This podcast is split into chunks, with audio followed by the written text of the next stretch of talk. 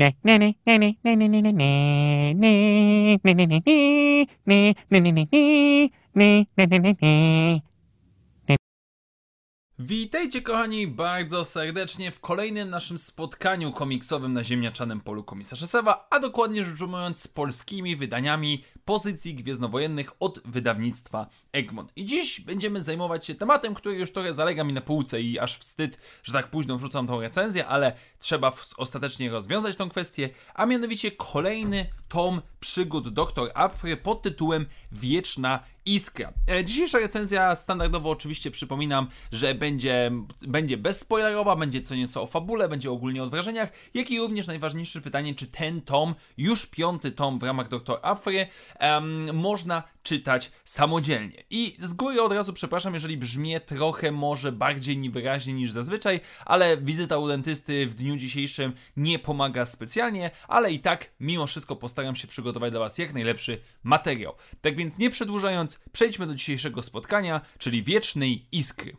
No i oczywiście, moi drodzy, rozpoczynamy od zarówno zawartości samego tomu, jak i również tego, co fabularnie w nim się dzieje. No i oczywiście kontynuujemy przygodę z główną serią komiksową Dr. Afra od niejakiej Alicia Wong, która w zdecydowanej większości jest rysowana przez Minku Yanga, chociaż dziś jeden zeszyt jest um, nieco dotknięty przez Neitena Bustosa. O tym będziemy mówić nieco więcej za chwilę. Natomiast dziś dostajemy standardowo 5 zeszytów od 21 do 25, które które skupiają się na punkcie fabularnym, który dostaliśmy pod koniec poprzedniego tomu, czyli Dr. Afra zostaje opanowana przez e, Iskrę, tytułową Iskrę, która jest starożytną sztuczną inteligencją stworzoną przez grupę Ascendancy, która em, walczyła z Sithami, która próbowała odtworzyć em, powiedzmy potęgę e, mocy używanej przez Sithów. No i oczywiście Afra w pewien sposób oddaje swoje ciało, jej świadomość zostaje wypchnięta gdzieś tam do tyłu mózgu em, i rozpoczyna się ściganie doktor Afry, nie doktor Afry, ponieważ Iskra podąża za swoimi własnymi pożądaniami, planuje zdobyć oczywiście jak największą władzę, wiedzę oraz odpowiednie artefakty Ascendancy, no a jednocześnie San, e, Sana Staros zaczyna zbierać ekipę, która ma przybyć na ratunek e, naszej doktor Afrze. Oczywiście ekipa składa się z zdecydowanej większości z ludzi, którzy kochają, ale jednocześnie nienawidzą doktora Afry, czyli prawie wszystkie, em, czy też prawie same były dziewczyny naszej doktor pani archeolog, do tego oczywiście jej ojciec. E, jednocześnie przywija nam się wątek Just Luckiego i Arioli, którzy cały czas zastanawiają się nad propozycją od e, Crimson Dawnu, no i wszystko sprowadza się właśnie na Vermilion, czyli na statek Crimson Dawnu, gdzie dochodzi do starcia między różnego rodzaju grupami, a jednocześnie poznajemy całą masę archeologii przeszłości i historii stojącej za organizacją, jaką było Ascendancy. No dobrze, moi drodzy, i dzisiaj będziemy zaczynać od bardzo ważnej kwestii. Kwestii, którą za każdym razem staram się poruszać, żeby w pewien sposób wskazać drogę tym z Was, którzy nie są aż tak bardzo obeznani z komiksami, a mianowicie, czy ten tom można czytać samodzielnie. I nie mówię tego z perspektywy tego, że mieliśmy Wojnę Łowców Nagród, e, że mieliśmy e, Szkarłatne Rządy, czyli crossovery, które łączyły nam eventy pomiędzy e, poszczególnymi seriami komiksowymi. Nie. E, bardziej chodzi mi o to, żeby, e, bo niektóre tomy, mimo że były crossoverami, czy też pochodziły z których serii, niektórych serii komiksowych, można było mniej lub bardziej czytać samodzielnie, jeżeli ktoś chciał akurat tak zacząć. Natomiast Wieczna Iskra, stety, niestety, ale już jest tym tomem, którego absolutnie nie polecam, żeby sięgać na sam początek. Oczywiście, decyzja należy do Was, to nie jest w żaden sposób autorytarnie zarządzone przykazanie z mojej strony, ale dzisiejszy zeszyt jest już kwintesencją, przepraszam, nie kwintesencją, podsumowaniem, czy też jest bardzo mocno zbudowany na tym, co dostaliśmy w poprzednich tomach. Bo z jednej strony no, mamy już do czynienia z 25, 21 do 25 zeszytu, więc to już daleko, daleko jesteśmy w serii. E, jak i również łączą się tutaj wątki z e, tego, co działo się wcześniej. Mamy tego Ariole i Jaslakiego, mamy e, byłe dziewczyny Sa, e, Dr. Afry, mamy Ascendancy, więc, więc czytanie tego tomu e, bez znajomości tej głównej serii komiksowej, um, czy też powiedzmy tej, tej, tej poprzednich tomów Dr. Afry, moim zdaniem nie ma sensu, bo naprawdę dużo tracicie. Co również, i to niestety z perspektywy polskiego czytelnika komiksów jest kiepskie, Zalecałbym zdecydowanie przeczytać jeszcze Dr. Afre tą pierwszą serię, tą, którą dostawaliśmy od bodajże 2016 albo 2017 roku. Ponieważ dzisiejszy tom jest bardzo um, o, subiektywny. Znaczy, oczywiście wszystkie moje recenzje są subiektywne i wszystkie komiksy, można powiedzieć, są subiektywne, ale ten jest zdecydowanie ważny, ponieważ Jednym z głównych wątków, jednym z głównych założeń tego tomu jest ekipa e, byłych dziewczyn, w zdecydowanej większości byłych dziewczyn, sta, e, nie Sany Staros, tylko doktor Afry, które są zbierane przez Sany Staros i które przybywają jej na ratunek. I z perspektywy osoby, która nie zna um, pierwszej serii komiksowej, może się to wydawać uh, przesadzone, może wydawać się to dziwne, może wy wydawać się to feministyczno, um, powiedzmy, homoseksualne, ponieważ oczywiście e, wiemy, o jaka jest orientacja seksualna dr Afry i wiemy, że ona ma kilka złamanych kobiecych serc za sobą, więc nie znając tej serii komiksowej pierwszej, możemy w pewien sposób być zagubieni.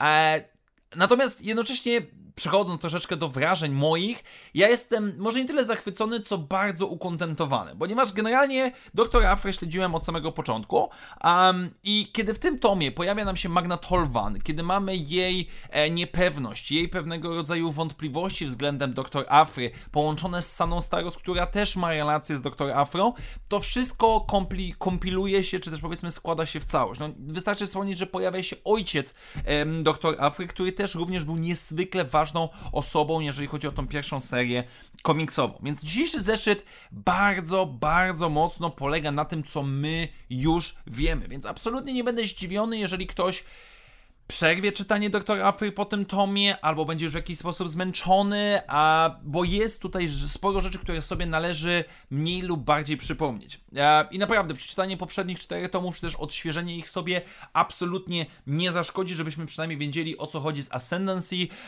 czy też powiedzmy z Crimson e, Dawnem. Bo generalnie przechodząc do tego tego, co zawsze w tej Doktor Afrze jest, wydaje nam się, jedną z fajniejszych rzeczy. To jest to, co, na co wielu, wydaje mi się, e, fanów czeka, no to jest ta przygodowość. I ona tutaj jest. Mamy bowiem do czynienia z archeologią. Mamy bowiem do czynienia z e, właśnie z przeszłością organizacji, która próbowała odtworzyć moc za pomocą mechaniki. I to wychodzi naprawdę dobrze. Doktor Afra, która podróżuje we własnym umyśle, konfrontując się ze sztuczną inteligencją, e, stworzoną, która miała walczyć z sitami, jest jak najbardziej intrygujące, ciekawe. Jednocześnie ten 22 zeszyt, o którym wspominałem wcześniej, jest nie tyle ważny, jest nie tyle e, istotny fabularnie, co też rysunkowo, ponieważ tam pojedyncze strony są rysowane przez różnych rysowników, którzy w przyszłości ilustrowali nam właśnie Dr. Afry. I tutaj mamy pewnego rodzaju kart, który pokazuje nam różne wcielenia, różne wersje Dr. Afry w różnych kostiumach, które możemy poznać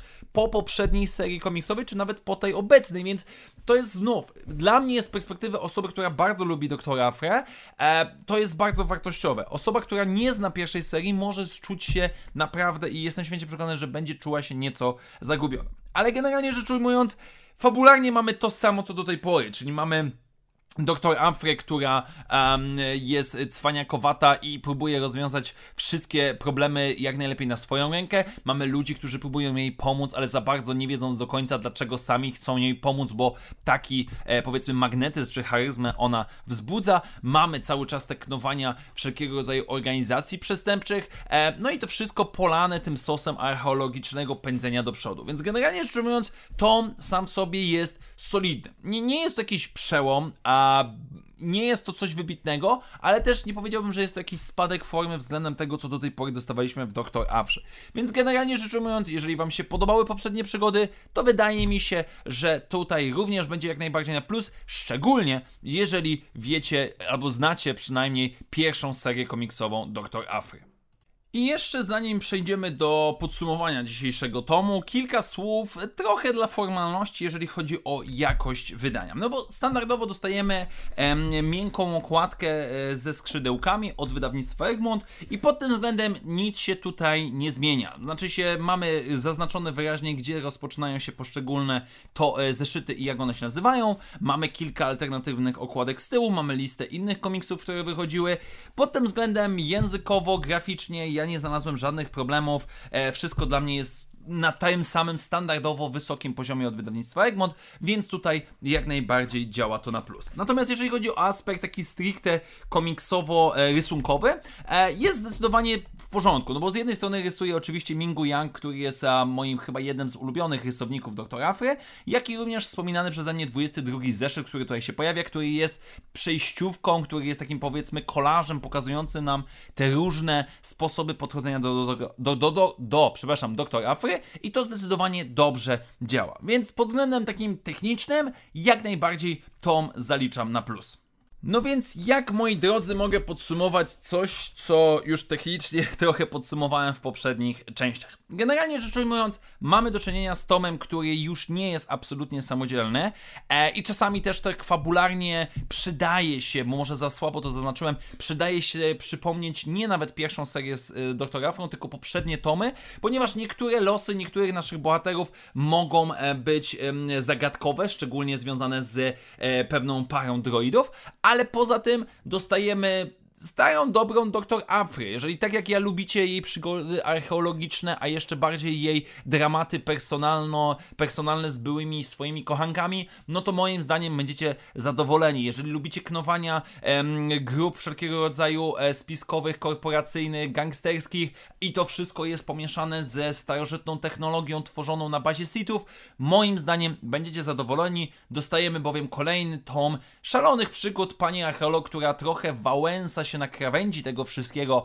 związanego z Crimson Dawnem, ale i tak zdecydowanie daje to przyjemność. To jest po prostu bardzo solidny, gwiezdnowojenny, przygotowy tom, który polecam, ale tylko i wyłącznie, jeżeli znacie poprzednie, jeżeli chcecie zacząć przygodę doktor, e, z Dr. Afrą, to na pewno nie od tego tomu, tylko od wcześniejszych. Tak więc dziękuję Wam bardzo serdecznie za dzisiejsze spotkanie. Standardowo przypominam, że jeżeli podoba się to, co robię na kanale, możecie wesprzeć moją działalność stawiając mi wirtualną kawę, do której link znajdziecie w opisie tego materiału. Jeszcze raz wielkie dzięki, do zobaczenia już wkrótce w następnych materiałach i jak zawsze, niech moc będzie z Wami. Na razie, cześć!